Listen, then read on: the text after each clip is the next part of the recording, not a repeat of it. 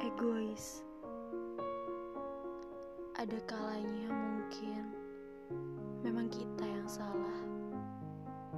Mungkin memang kita yang egois, terlalu berorientasi diri, dan lagi menyakiti orang lain tanpa sadar.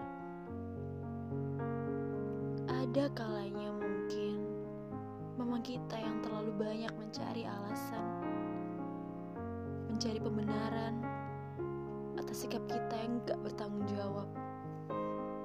Dan lagi menganggap diri kita selalu benar. Tidak mau tahu dengan apa yang dipikirkan orang lain. Terkadang adalah cara yang baik untuk menilai menjalani hidup juga cara terbaik untuk menjadikan makhluk menyebalkan yang tak bisa diajak bekerja sama. Tidak peduli, bukannya tidak boleh.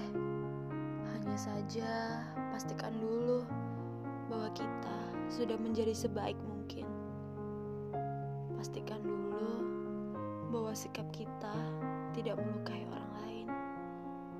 Dan pastikan dulu bahwa kata-kata